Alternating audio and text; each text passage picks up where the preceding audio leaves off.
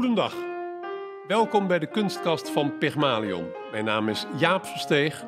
Ik ben beeldend kunstenaar en kunsthistoricus, werkzaam als kunsthandelaar en eigenaar van Pygmalion. Iedere aflevering van de kunstkast praat ik met een aardig en interessant persoon uit de wereld van de kunst en alles wat daarmee samenhangt. En vandaag is mijn gast Geer Stijn. Geer is beeldhouwer. Hij is opgeleid aan de Rijksacademie te Amsterdam en een leerling van onder andere Piet Esser, Theresia van der Pand en Paul Grégoire. In 1973 behaalde hij de zilveren medaille voor beeldhouwkunst bij de Prix de Rome. Hij werkte vervolgens een jaar op het atelier van de Oostenrijkse beeldhouwer Frits Wottruba in Wenen. Later gaf Geer les aan de Rietveld Academie, de Haagse Koninklijke Academie van Beeldende Kunsten en de Academie voor Industriële Vormgeving Eindhoven. Geer, welkom in de kunstkast van Pygmalion. Ja, deze prachtige namiddag. Uh, wat een mooi moment met dit licht, dit groeiende licht uh, in het nieuwe jaar. Te spreken met jou over uh, beeldhouwen en kunstenaars die zich daarmee bezig hebben gehouden. Ja, ik verheug me er ook zeer op. Ik wou voorstellen, laten we beginnen bij jou als persoon. Hoe is jouw belangstelling voor de kunsten ontstaan? Ja, natuurlijk. Uh, je puberteit, waar je zoekt naar je identiteit. Uh, middels uh, tekenen en middels materialen. Dat is rond, ja, ik was twaalf jaar, is dat ontloken, om het zo maar eens te zeggen. Maar daar is natuurlijk wel veel aan vooraf gegaan. Ehm, ten eerste, ik ben geboren Even, we beginnen bij het begin. Ja. Ik ben geboren uh, in mei 1945 en mijn moeder stond hier bij in Amsterdam op de Berlagebrug. Uh, op het dak uh, te, te juichen naar de voedseldroppings. Ja. En ik met de armen omhoog, maar ze had ook met de armen naar beneden moeten wijzen, want daar kwam ik aan. Oh. En uh, heel snel uh, is het dus uh, met een clandestine bakfiets van de melkboer die die verborgen had, is ze naar de Overtoom, naar het Diakonessenziekenhuis gegaan. En daar ben ik ter wereld gekomen. En uh, die geboorte uh, heeft dus absoluut te maken met het begrip bevrijding. Dus ik voel ergens heel merkwaardig die kracht van bevrijding in me. En dat is natuurlijk wel heel, heel mooi en zo. Maar daarna zit natuurlijk ook een schaduwkant aan. Want mijn vader, die in 1944, nadat hij mij verwekt had is, is zijn, zijn groep, zijn verzetsgroep opgerold. En mijn vader heeft, is toen vervoerd naar een kamp in, onder Berlijn, Neubrandenburg. En is later door de Russen bevrijd en is pas eind 45 teruggekomen. Maar wel volkomen vermorzeld geestelijk door wat hij heeft meegemaakt. En uh, dus eigenlijk het, het geluk op de rand van de oorlog, maar ook daarna vanuit die oorlog eigenlijk de, het, uh, het, uitzichtloze wat mijn ouders ten opzichte van elkaar hebben gevoeld. Uh, heeft een grote stempel betekend op mijn leven. En ook ervoor gezorgd dat ik vanuit een soort teruggetrokkenheid mijn eigen dingen heb willen doen. En mijn eigen dingen wilde zeggen, uh, mijn eigen visie, mijn eigen manier om je te manifesteren en te materialiseren. Want dat waren natuurlijk ook niet alleen maar tekeningen, het waren ook 11, 12 jaar. Uh, stukken boom die uh, met een kleine ingreep iets, een, zekere figuratie konden, konden weergeven. En zo heb ik ja, mezelf eigenlijk een identiteit weten te geven. Terwijl het nog niet gericht is op uh, professionaliteit. Hè. Het was meer, meer van hoe sta je rechtop in het leven? En dat vond ik een, uh, een, een, manier. Was er wel belangstelling um, bij jou thuis voor de kunsten? Waren jouw ouders wel, uh, vonden die het een prettig idee dat hun zoon zich bezighield met kunst? Absoluut. Mijn, uh, mijn vader was iemand vanuit de, de, het recht. Had rechten gestudeerd in Groningen. En had het niet. Maar mijn moeder was voor de oorlog naar het conservatorium geweest. En ook daarna naar de Rietveld Academie. En heeft daar een grafische opleiding gedaan. Maar ja, zo pal na die oorlog uh, was dat een, een uitzichtsloze situatie om, om daar laten we zeggen, geld mee te verdienen. Uh, maar de mentaliteit, de beeldende mentaliteit, heb ik wel van mijn moeder uh, gekregen. En uh, niet alleen maar in het, kijk, het leren kijken naar, maar ook in een soort kleine bibliotheek. Mijn moeder had boeken. En zo herinner ik me dat ik heel, heel vroeg in contact kwam met Matisse. En ik de, de, de, autonome uh, kunstwereld, de, de klassieke, uh, werd mij toch al enigszins uh, duidelijk gemaakt door mijn moeder. Ben je enig kind? Ja. Dat wil zeggen, mijn vader, dat huwelijk ging dus mis, heel snel. Toen ik was jaar vijf, zes toen dat misging. En mijn vader heeft nog twee andere huwelijken gehad. Waaruit nog twee, ik heb nog twee halfzusjes. Ja. En die uh, ontmoeten we eens in het jaar, hebben wij een soort Steiner-diner, zoals dat heet. En dan, uh, dan, kijken we allemaal rond de tafel van, wij zijn familie van elkaar. God, wat bijzonder eigenlijk. Ga eens een beetje naar voren. Oh ja, die neus en die oren herken ik wel. En, en rare herinneringen aan grootmoeders en zo, dat soort uh, dingen. Dus een, een bijzondere familie is het wel eigenlijk na je middelbare school ben jij toen direct naar een kunstopleiding gegaan? Of zat daar nog een andere, zat er nog een andere opleiding tussen? Ja. Of was het voor jou meteen duidelijk, ik ga de kunsten in? Nee, eigenlijk, uh, kijk, die middelbare school was voor mij heel belangrijk. Uh, ik heb een gymnasium Alpha gedaan. En niet zozeer alleen maar gericht op de kwaliteit van het verleden, maar juist om die kwaliteit, Homerus of allerlei uh, schrijvers, om die ook te herkennen in moderne. En, uh, je hebt het nog steeds over Amsterdam. Je hebt in Amsterdam op school. Ik heb op Amsterdam op school gezeten en uh, ik heb mijn eindexamen gedaan in Horen. Uh, en ehm, toen, toen, was ik natuurlijk al wat, wat ouder en hadden we ook een cultureel clubje. En wisten we juist dat gevoel voor kunst over te brengen. Uh, door uh, kunstenaars uit te nodigen. Van Reven hebben wij toen gehad, die nog net uh, zijn nader tot u boek had gepubliceerd. En nou ja, dat was een schok in Noord-Holland, dus, dus, dat soort dingen voor te lezen. Dus hij kwam daar tot schuimbekkende leraren die wegliepen. Want ja, het ging natuurlijk over homoseksualiteit en over, over, over de vriendjes en de jongetjes van, uh, van Reven. En uh, dat, daar hadden ze wel moeilijk mee. Maar voor jonge mensen zoals we dat waren, uh, was, dat, was dat fantastisch om die Amsterdamse zien en cultuur van, van het heden te brengen.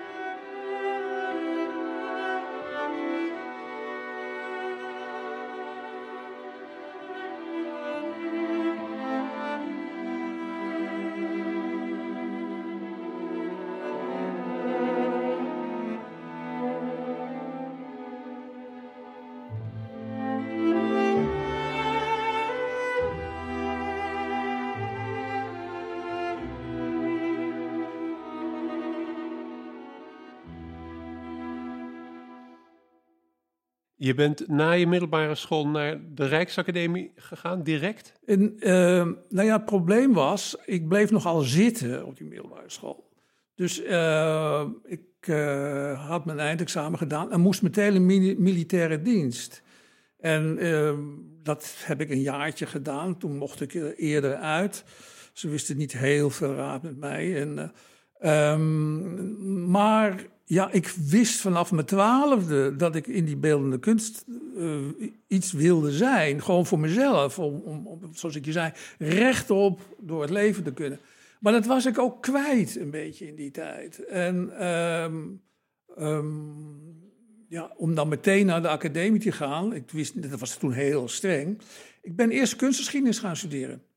Dus ik heb een, een dik jaar heb ik, uh, hier in Amsterdam aan de universiteit kunstgeschiedenis gestudeerd. Om te ontdekken dat uh, kunstgeschiedenis voor mij natuurlijk wel interessant is maar ik wilde met mijn handen iets doen. Dus, ik, ik dus de, gevoel voor balans ontstond weer in mijn leven. Doordat ik koos voor uh, nou ja, iets met mijn handen te kunnen. Dan is natuurlijk de vraag: uh, ben je dan nog goed of, voor een academie?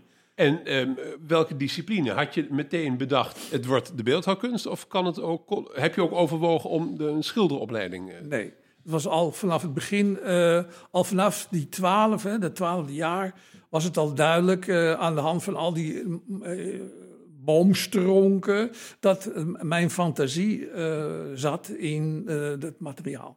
Ja. En dus in die onzekere tijd, dus stoppen met kunstgeschiedenis, maar wat dan? Heb ik de ongelofelijke geluk gehad dat ik de familie Tevens ontmoette dus Arie Tevens uh, was er iemand die uh, bij mijn moeder op de kunstnijverheidsschool in de klas had gezeten. Dus mijn moeder zei, ga naar Arie. En uh, dat klikte enorm. dat was een soort, ja, daar was je welkom, zoals, je, zoals je bent. En, en ik mocht op dat atelier werken. En ehm, de familie Tevens had een had een ongelooflijk dramatisch moment in hun leven dat een, dochter uh, overleed. Waardoor Ari uh, niet, niet, niet veel op zijn atelier kon zijn. En mij had gevraagd uh, een beeld op te zetten. de armatuur van Witteburg, dat was natuurlijk een, een, een, enclave van kunstenaars waar ik ik mocht een jaar werken dus bij Ari, waar Cor Hunt werkte. Jan Meevoud elke dag zijn broodje kwam opeten. Maar dit was nog voordat je naar de academie ging? Ja, dat was nog voordat. Dat was dus eigenlijk in dat niemandsland. Ja. Dus op, mocht ik werken op dat, op dat atelier in, op Wittenburg. En Teet van de Pand, Nok Neulman en Constant. Het, dat waren mensen die, met wie ik niet echt omging. Maar ze waren er, ze liepen rond. Ja. En van dat pand heb je later ook uh, les van gehad. Ja, zeker, zeker. Maar laten we even dan bij. Toen heb je na dat jaar bij in het atelier van Ari. Uh, ben je naar de Rijksacademie gegaan? Ja, je hebt niet overwogen of nog naar een andere. Je wilde naar de Rijksacademie. Ja, ik wilde. Ja, in zekere zin ook uh, voorbereid door mijn ontmoetingen, niet alleen met Ari, maar natuurlijk ook met Cor Hunt, die les gaf op de Rijks. En Teet van de Pand, die, die steenhakker gaf op de, op de academie. Dus dat was, een, dat was al een zekere ingang, gaf dat, om, uh, ja, om te kiezen voor die, uh, die opleiding.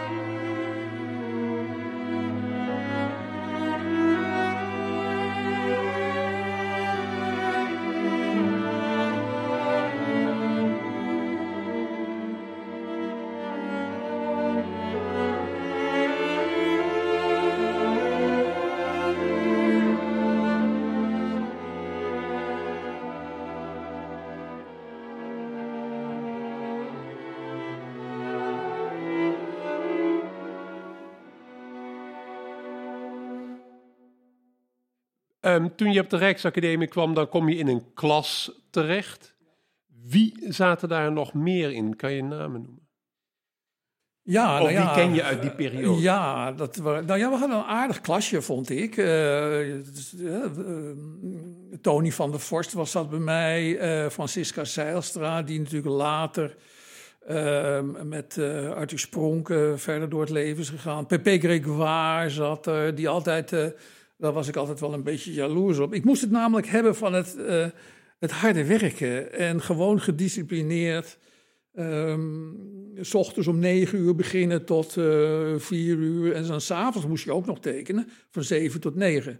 Maar ja, PP Gregoire kwam altijd eh, uren te laat binnen met, met rijglaarsjes die hij nog niet dicht had. En wat hij ook deed, het was allemaal prachtig. Dus, en dan En kon hij zich dat veroorloven omdat hij de zoon van Paul was? Mm, Of was dat ook een beetje het karakter van de man zelf?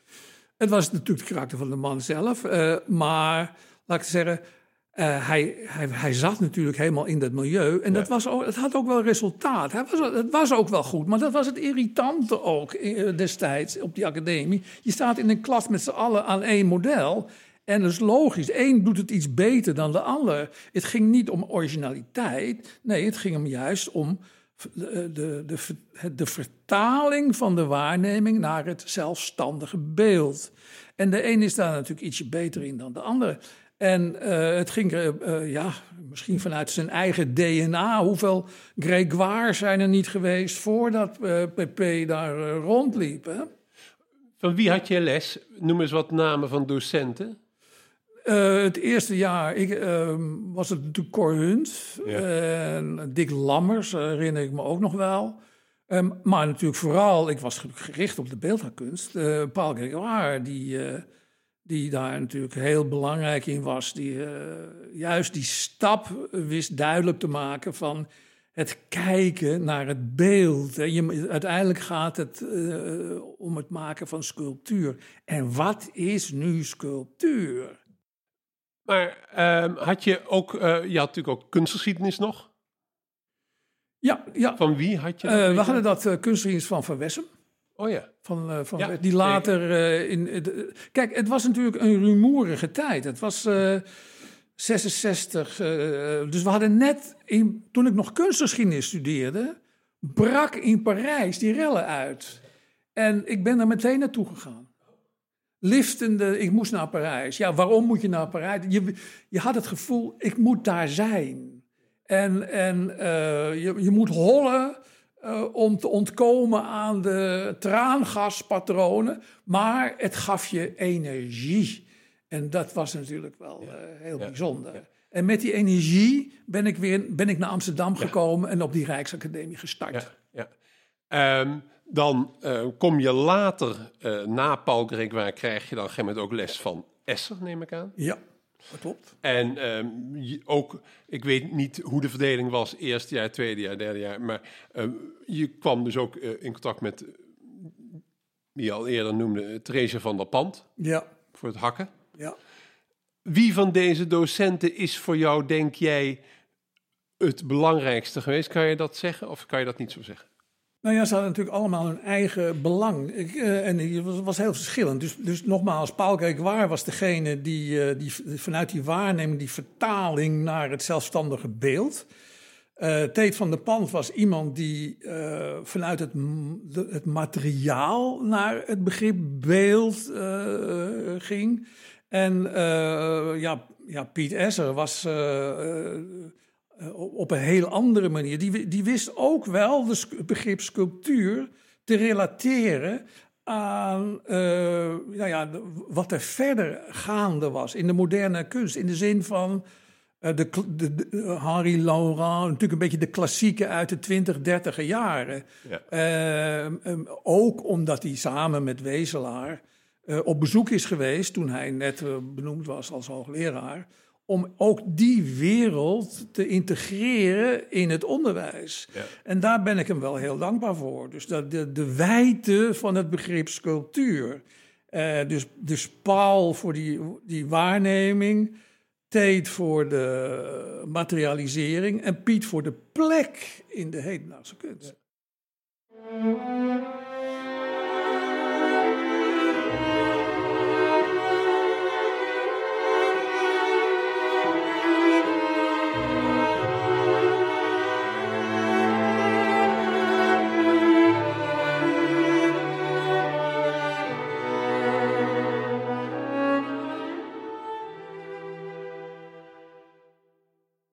Welke periode ga, ben je toen opgegaan voor die Prix de Rome?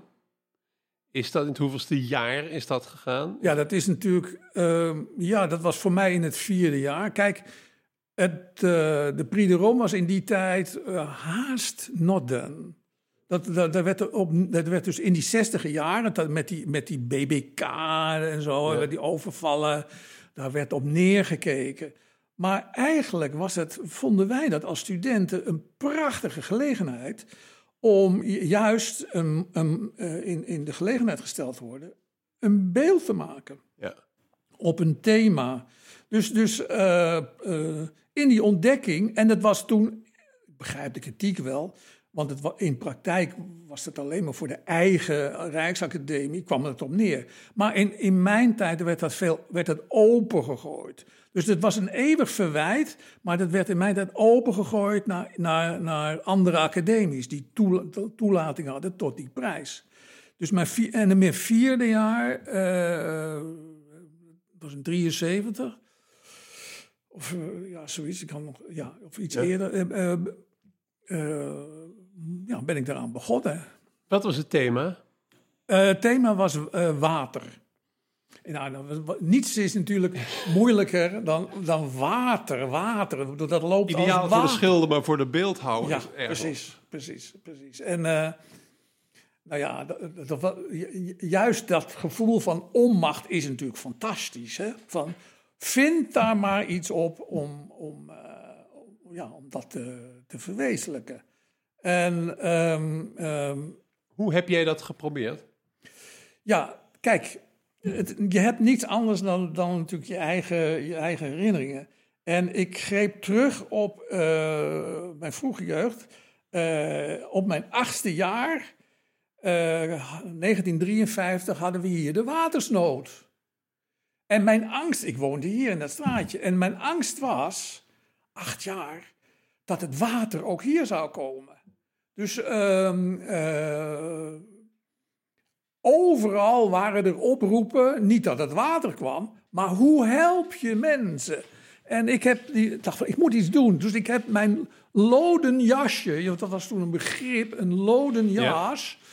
Ja, uh, ja dat was, dat, we hadden het niet breed. Dat was dus iets, een winterjas. Dat je een winterjas had, was voor mij heel bijzonder.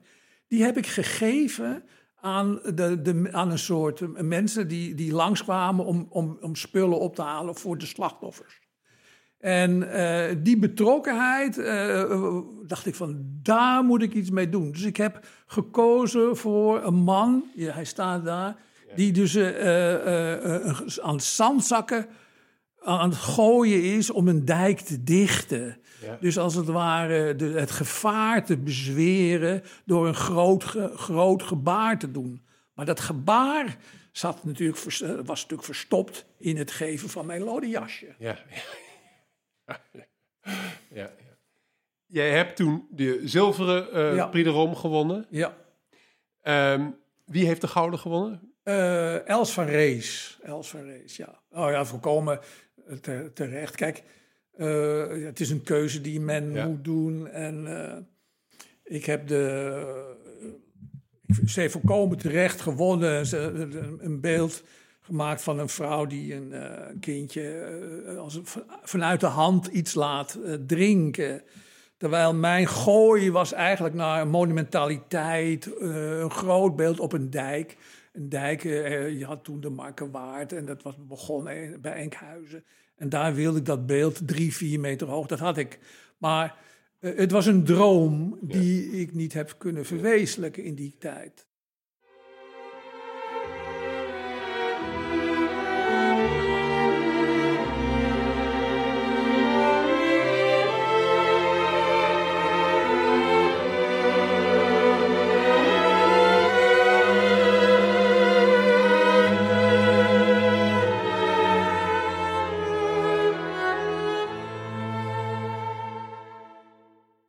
Prix de Rome is ook opgezet om dan hè, de winnaars de mogelijkheid te bieden de klassieken te gaan bestuderen in Rome. Maar jij bent, je hebt een hele andere keuze toen gemaakt.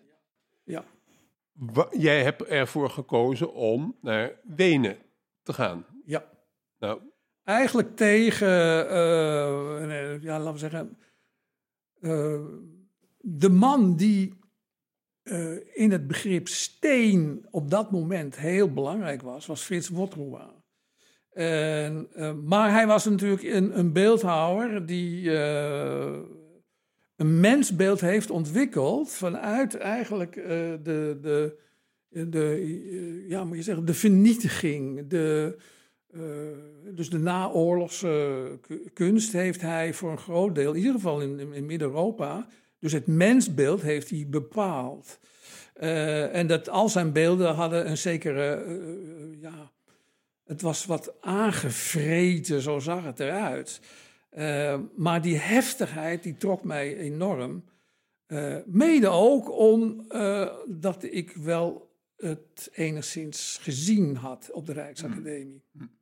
Ik was gevormd, maar het gaf mij ook het gevoel. Beeldhouwkunst is nog meer dan dat. Het is nog groter, het is wijdser dan dat het door één iemand, één hoogleraar of één groep bepaald kan worden. Dus ik wilde, ik wilde eigenlijk uh, weg naar het niemandsland. In. Ja. Kon jij zomaar terecht bij Frits Waltruba? Nou ja, dat is natuurlijk een, dat is natuurlijk een, ehm, een, een dat denk je dan. Maar goed, je moet, je, je moet natuurlijk contact zoeken. Dus ik ben in de, in, in de winter voorafgaande, nog voordat ik aan de PRI begon, ik wist al, deze man interesseert mij. Dus ik ben daar naartoe, ik ben naar Wenen gegaan. En, nee, het was, in, het was in de zomer, laat ik het zo zeggen. En uh, om te kijken met een, met een mapje foto's, om uh, te kijken of deze man te bereiken was. Eh, ik kwam in Wenen aan en hoorde, oh ja, maar die man is dood. Die leeft niet meer. En dat vond ik toch wel een, een beetje, een, was een teleurstelling. Maar ehm, in de zomer zelf heb ik hem niet getroffen. Maar eh, andere berichten zeiden van, nou ja, hij, leeft wel en uh, je moet op alleen op een ander moment komen. Dus toen ben ik in de winter er naartoe gegaan. En ik had zijn telefoonnummer gekregen. En uh, dan krijg je natuurlijk een prachtige conflict als je telefoneert in het buitenland. Ik had me helemaal uh, voorbereid. met volzinnen in het Duits. Hoe zodra ik dan hem aan de lijn, hoe ik dan meteen van wal kon steken. En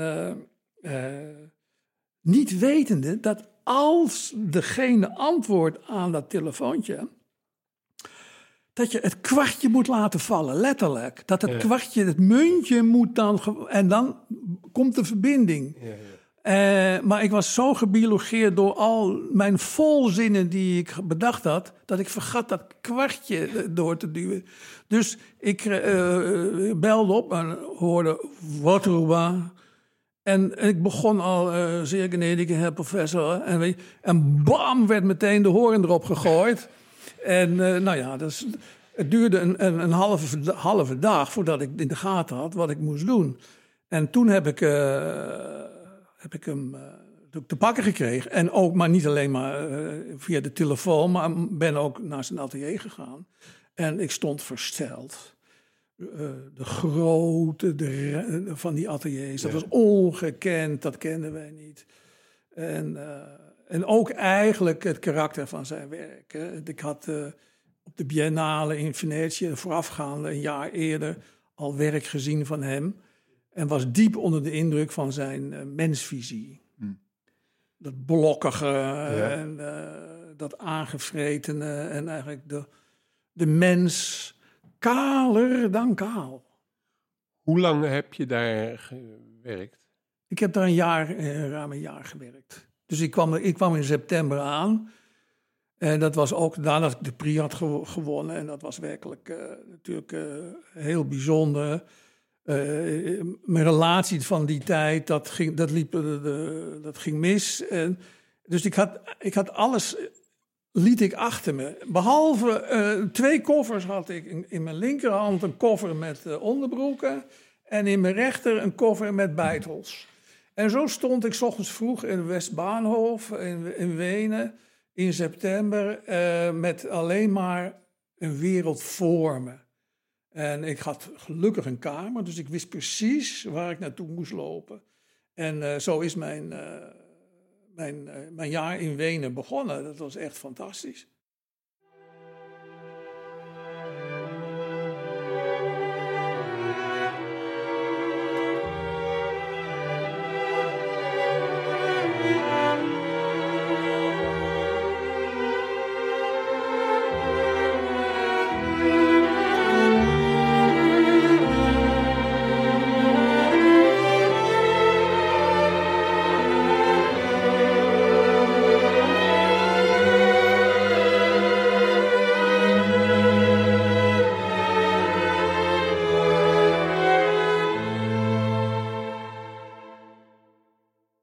Moet ik me dat voorstellen? Had je daadwerkelijk les van hem of werkte je samen? Of kwam hij af en toe dan kijken? Was je met je eigen werk bezig en leverde hij dan commentaar? Hoe moet ik me dat voorstellen?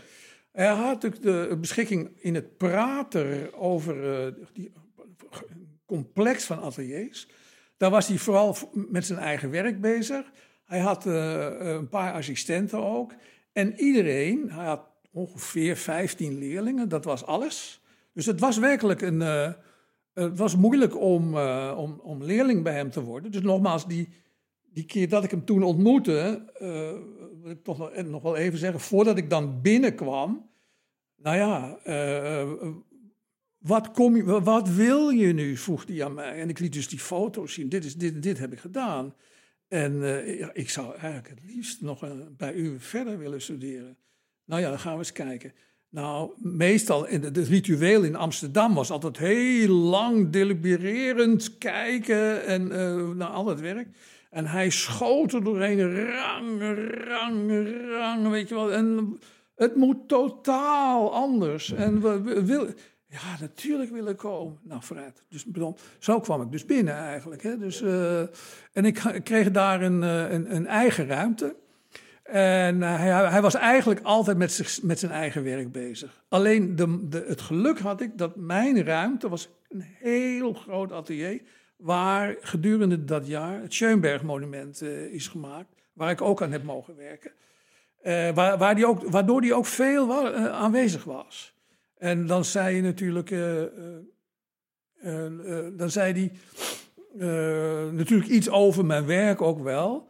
Uh, niet veel, maar ik was natuurlijk helemaal gevormd door de Rijksacademie. Ja. Ik had niet veel, niet, niet veel, uh, niet, niet veel nodig, maar, maar wel een, een soort, ja, wat zeggen. Hij heeft één zin tegen mij gezegd. Ja. En dat zal ik nooit vergeten. Dus dat kwam op het juiste moment, kwam dat bij mij binnen. Wie leidenschaftlich du bist, es zal vorm zijn. En dat vind ik een prachtige. Dat is een leidmotief eigenlijk uh, voor, mijn, voor mijn werk geworden. Hè? Dus, dus, eh, dus, dus passie, betrokkenheid, vorm. Het moet vorm hebben. En uh, uh, misschien betekent voor hem dat niet. Voor mij was dat de, de juiste zin op het juiste moment. Toen jij weer terugkwam in Nederland, um, hoe moet ik me die beginperiode voorstellen? Dan ben je, neem ik aan, nou ja, voorlopig dan, tenminste, je bent natuurlijk nooit klaar met je opleiding, maar je uh, gaat je dan vestigen als beeldhouwer. Ja. Ben je toen al direct gaan lesgeven? Nee, want ik kwam natuurlijk terug met een, uh, een, een, een Volkswagen busje met uh, vier of vijf beelden. En um, ja, klaar voor, dacht ik, voor nou ja, oorlogsmonumenten of uh, beelden. Maar het klimaat was natuurlijk totaal anders geworden. en uh, je had in die tijd het paradijs van uh, de contraprestatie. Ja.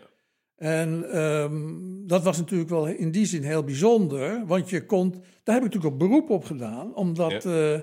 uh, dan, dan, dan lever je dus beelden in en dan krijg je op basis van een norm, een geldbedragje, een soort sociale regeling. Dat was natuurlijk fantastisch voor een start en voor een begin.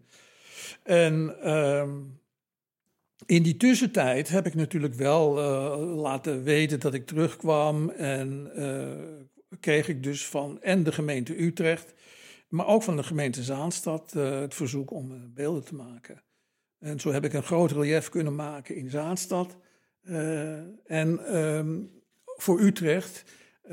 en dat was wel het bijzondere voor Utrecht. Dan had je van die scholen in die nieuwbouwwijken. Ja. En die wilden beelden hebben. Althans, de kunstcommissie wilde dat. En dan was ik uitgenodigd voor een beeld bij een school ging ik praten met, het, met, de, met de mensen zelf, de onderwijzers. En dan bleek dus dat die scholen, heel, die wilden helemaal geen beelden. Die vonden dat vreselijk. Kunt u ook een speelplastiek maken? Ja, ja, ja. Speelplastiek had ik nog nooit van gehoord. Maar ja, je begint net en je gaat, uh, uh, je denkt, ja, misschien moet ik toch, toch eens proberen. Het budget was natuurlijk minimaal. Maar ik vond het toch ook wel een, iets heel interessants om een groot ding te maken waar 20, 30 kinderen tegelijk in konden spelen. Uh, een soort constructie waar uh, nou ja, het begrip ruimte uh, gematerialiseerd was. En dat, dat vond ik dus wel heel interessant. Dus dat je niet vanuit je eigen vooringenomenheid van nu moet ik alleen maar stenen beelden maken, maar dat je dat gevoel wat je hebt leren ontwikkelen op een academie, hebt weten om te zetten naar ruimte. Wat is nu ruimte en hoe laat je dat zien en hoe maak je dat expressief? En dat is uiteindelijk ook later in mijn lesgeven heel belangrijk geweest. Dus dat je dat je, dat je, je eigen kwaliteiten in een groter kader kan ja. plaatsen. En je spreekt nu over opdrachten was er niet een markt waar je ook met bij spreken klein plastiek aan de bak kon? Ja. Galeries? Zocht je contact met een galerie of waar, bij wie uh, exposeerde je? Ja, nou, mijn eerste tentoonstelling was, kwam vrij snel in 1974. Galerie Noyons in Utrecht. Dat was natuurlijk. Uh, Toos en Jan die via. Kijk, Arie en Pieter Dont, dat waren de mensen. ja, ik wil niet zeggen mijn vaders, maar dat was familie. Dat voelde als familie. Ik kwam heel veel bij, bij, bij Arie thuis, waar ik Pieter ook ontmoette. En dat was in, in, in de glorietijd van Ajax. Dus met, met z'n allen zaten we daar met een flinke fles, fles wijn te kijken naar, naar de wedstrijden en naar Johan Cruijff natuurlijk. Waarbij mijn rol, vond ik wel aardig, altijd was om voor de tegenstander te zijn. Het woordje te voeren voor de tegenstander. En dat was natuurlijk wel grote hilariteit, leverde dat op. Ook bij de jongens tevens, hè, dus Jan Tevens en Klaas. Maar ook Pieter en zo, die dan met enorme patés aankwam en met, eh, met witte wijn. Enfin, dus zo, zo vierden we echt uh, als broeders. Uh, niet alleen maar de, oh, ging het over de beeldkunst, maar dus ook wel ja, het plezier in het leven.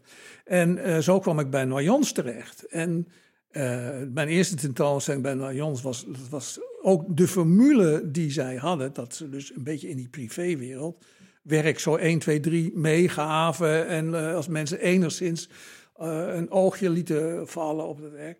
Dus ik, we hebben daar met z'n vier of vijf, waar PP Grégoire ook bij was, en Tony van der Forst en Els van Rees. Eh, dat waren de mensen die, ehm, die daar hebben geëxposeerd samen met mij. En wij verkochten daar ongelooflijk. Dat we, dat zoals ik later nog nooit meer heb verkocht eigenlijk.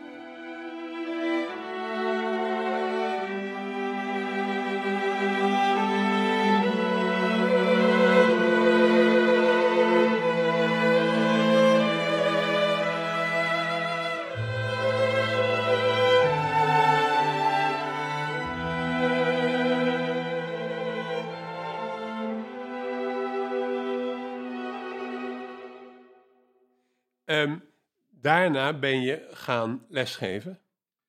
Ja, dus wat ik je zei, die contemplatie, uh, daar heb ik maar één of twee jaar in gezeten. Tot ik ontdekte, het was natuurlijk een prachtig sociale regeling, maar het was een sociale regeling. Uh, tot ik ontdekte dat je, uh, ja, het, het, maken van werk moet niet afhangen, dus die artistieke geweten moet niet afhangen van deze regeling. En, uh, dus ik kwam een, een, beetje ook scheef te zitten ten opzichte van mijn, uh, mijn eigen werk.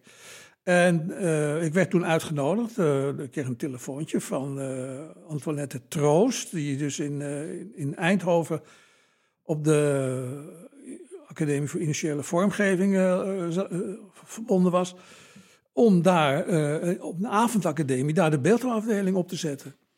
En dat, heb ik, dat vond ik ontzettend leuk. Eigenlijk twee avonden in de week was ik uh, daaraan verbonden en ik, ik, verdiende niet veel geld. Het was, was net zoveel geld kwijt met de reiskosten als dat, het, als dat je daar, een boterhammetje aan over had. Maar ik ontdekte dus dat ik het vermogen had om in de overdracht. Dus dat ik mijn wereld met alle relativiteit en met alles waar ik natuurlijk doorheen ben gegaan, dat dat een goede basis kon zijn voor uh, jonge mensen die ook in het vak, die gemotiveerd waren om het, in het vak te gaan. Ja, was je daar de enige docent beeldhouwer? Eigenlijk drie of vier jaar gedaan. En toen, uh, toen werd ik gevraagd in, uh, dus in Amsterdam voor de docentenopleiding hier. En tevens ook... Is dat de Lutmaastraat? Ja, is de Lutmaastraat, ja. ja. En tevens ook de academie in Den Haag. Toen daar werd ik de nou ja, dus daar gingen mensen met pensioen en daar, ging ik, daar kwam ik voor in de plaats. Dat was de, enige job waar ik echt voor gesolliciteerd heb. dus je hebt dat parallel gedaan? Je hebt... Even, één, één, twee maanden. Ik werd van alle kanten gevraagd. En toen heb ik afgewogen, ja, wat, wat is nu voor mij het beste? Niet alsmaar reizen in mijn, in mijn Renaultje 4 naar, naar Eindhoven. Ja. Dus, dus toen heb ik het eh, weten te beperken tot uh, Den Haag en Amsterdam. Woonde je toen al hier aan de Zomerdijkstraat? Nee, ik woonde nog niet in de Zomerdijkstraat. Waar woonde je toen? Uh, aan de Tasmanstraat. Dat was in Amsterdam, uh, ja, West, Spaardammer buurt. En daar had je ook een atelier? Nee, daar had ik geen atelier. Maar um, ik kende, zoals ik je, zoals ik je vertelde, dus uh, Pieter Dont en Ari. En uh, via Pieter Dont kwam ik in contact met Martje Carasso. En, Martje, en, en Fred Carasso, die was uh, ja. al een paar jaar overleden. En dus dat atelier stond leeg. En, en Martje heeft toen mij gevraagd van... God, als je wil, mag, je wel, mag je wel op dit atelier. Maar dat vond ik heel lastig. Ja, ja. Want uh, dat was echt zo'n Italiaan, hè, Fred, die dus ja, atelier ja. stond vol ja. werk. Ja. Dus het eerste wat ik deed was met lakens alle dingen afdekken om een soort neutraliteit op te bouwen. Ja. Maar ja, door de lakens heen zag ik natuurlijk al de contouren van die beelden en zo. Dus dat was wel lastig. Ja. Totdat er een atelier vrij kwam hier in de Zomerdijk. Dat was dan hoog, hè? dus op, op Martje was beneden en toen kwam een atelier vrij op 16 en 3 hoog. Maar dan heb je het over een schildersatelier. Eigenlijk wel, ja. Daar kon je dus niet je zware stenen neer. Nee, dat was zo. Dus, maar daar heb ik wel uh, me bezig kunnen houden met het begrip penning. Ja. He, dus hoe groot kan het kleine zijn? En mijn stenen, toen had ik een, een atelier erbij gehuurd in de, in de Westerstraat, in de oude bioscoop. Die, uh, dat, die was verlaten en daar had een collega van mij, uh, die had dat uh, atelier. Dat was heel, heel groot en die hebben toen een muur ingebouwd. En daar heb ik een, nog, nog twee, drie jaar kunnen werken, kunnen hakken. In combinatie met het wonen hier in de Zomerdijk.